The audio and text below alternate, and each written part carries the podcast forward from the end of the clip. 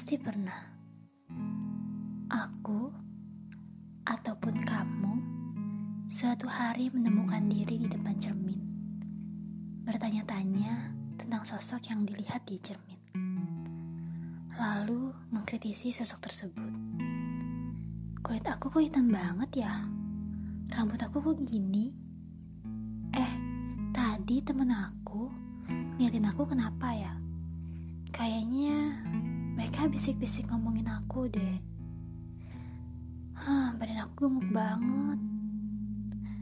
Ah, malah kekurusan. Kok jerawat gini ya? Aku kok gak cakep sih? Eh, kok aku gak pinter ya?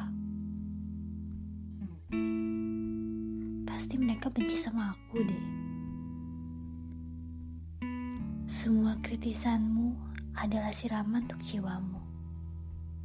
Iya, jiwamu tumbuh dari apa yang kamu rasakan, pikirkan, dan lakukan.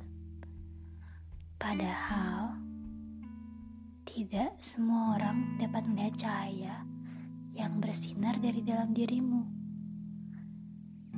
Tetapi itu tidak berarti cahaya itu tidak ada di sana kamu seutuhnya layak tanpa perlu validasi dari orang lain. Bukan tentang bagaimana orang lain melihatmu, namun tentang bagaimana kamu melihat dirimu. Lembutlah pada jiwamu, jiwamu yang berharga itu. Cintailah dirimu.